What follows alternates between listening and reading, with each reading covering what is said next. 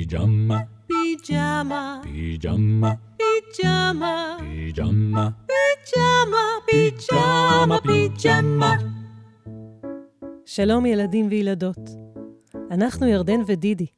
עוד רגע נקריא לכם סיפור שקיבלתם מספריית פיג'מה. אם תרצו, אתם יכולים להחזיק ביד את הספר שלכם ולדפדף איתנו יחד. בכל פעם שיישמע צליל של דפדוף, סימן שהגיע הזמן להעביר דף. מוכנים? מתחילים. סתם שדה ריק. כתבה תמר וייס גבאי, איורים בלה פוצ'ובוצקי, הוצאת כנרת בית הוצאה לאור.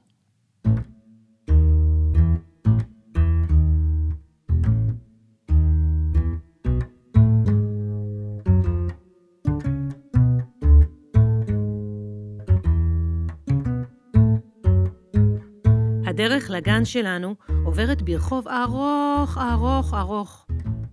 זאת הדרך הכי מעייפת בעולם. אז יום אחד, כשבאמצע ההליכה פתאום מאיה אמרה, בואו רגע, נראה מה יש שם. ומשכה אותנו אל בין הגדרות והבניינים, מיד רטנתי. "אה, אין לי כוח. וגם אלכס אמר, מה פתאום? אין פה כלום. זה קצה השכונה. בכל זאת הלכנו אחריה. רק להציץ. באמת לא היה שם כלום. רק שדה קטן ריק, כמה שיחים, גבעולים ועפר. אבל הגן שלנו היה בדיוק ממול. קפצנו בהתלהבות. דרך קיצור כזאת זה הכי נהדר בעולם.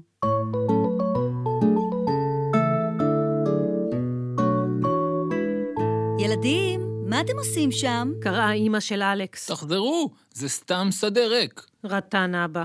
הרגל שלו נתקלה בשיח קוצני. דילגתי קדימה וצעקתי, יו-הו! לצעוק במקומות ריקים זה הכי כיף בעולם. כשהמבוגרים ראו מה גילינו, גם הם התלהבו, והלכנו כולנו בשורה בין השיחים.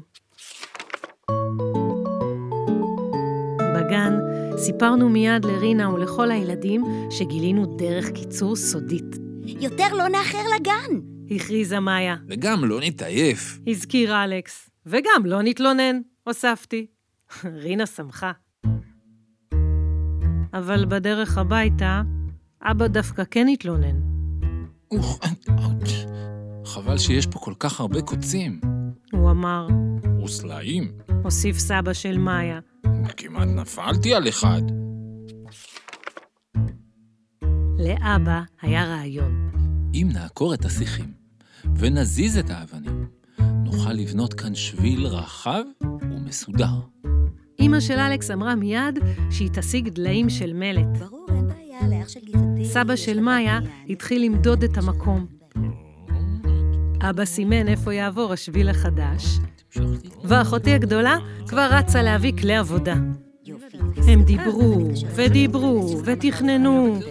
אוח, דיבורים ארוכים זה הכי משעמם בעולם. אז מאיה, אלכס ואני התיישבנו לנוח ליד השיחים. ואז פתאום ראיתי, היה שם סימן. ועוד אחד. ועקבות. וגם שביל קטן בעשב. הסתכלתי לכל הכיוונים. סימנים כאלה זה הכי חשוד בעולם. ששש, לחשתי. תראו, אנחנו לא לבד כאן. יש פה משהו. הבטנו סביב וחיכינו בשקט. אלכס ראה ראשון את הצבא. היא הלכה על בעונות, והראש הקטן והחמוד שלה הציץ מתוך שריון גדול. אחר כך, מאיה שמה לב שעל גבעו לידינו התחבקו המון פשפשים אדומים. היו להם ציורים שחורים על הגב, והם דגדגו אחד את השני במחושים.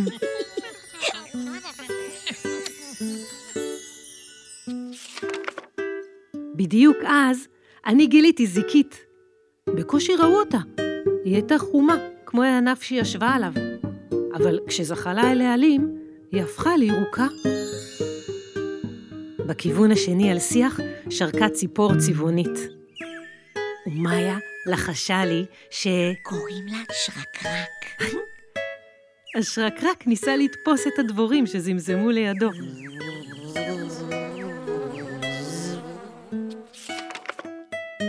הדבורים חמקו ורקדו בין פרחים צהובים וסגולים.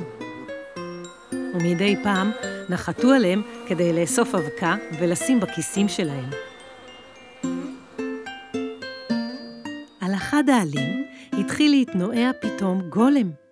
מתוכו יצא לאט-לאט פרפרה.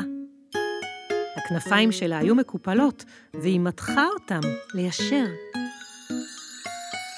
ובדיוק כשחשבתי שהשדה כבר לגמרי מלא, צץ נברן מתוך מאורה. הוא נעמד לכרסם עלה טרי, והביט בנו בעיניים שחורות מבריקות. וואו. אבל משהו נוסף התקרב, משהו מרעיש ומקרקש. לשם הרעש כל החיות נעלמו.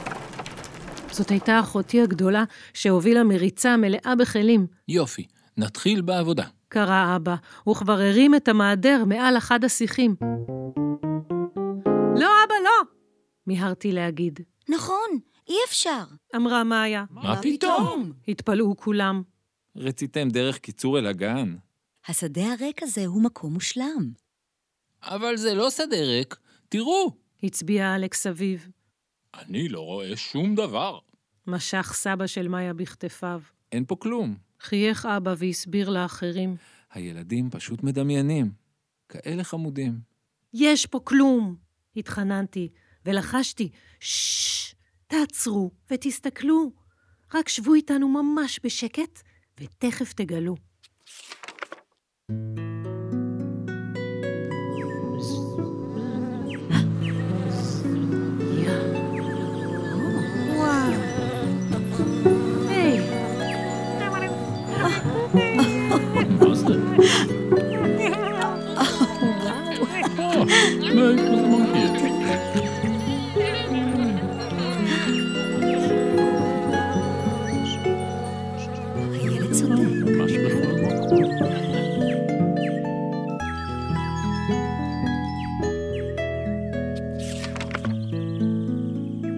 חשבנו וחשבנו וחשבנו המון. שדה ריק מלא כזה זה הכי מבלבל בעולם. אבל בסוף מצאנו רעיון לדרך קיצור שתהיה טובה לכולם.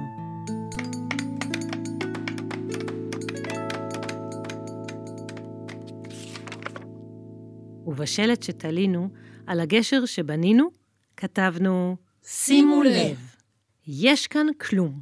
אם תשבו בשקט ובסבלנות. ותסתכלו סביב, תגלו כמה מהדברים הכי נפלאים בעולם.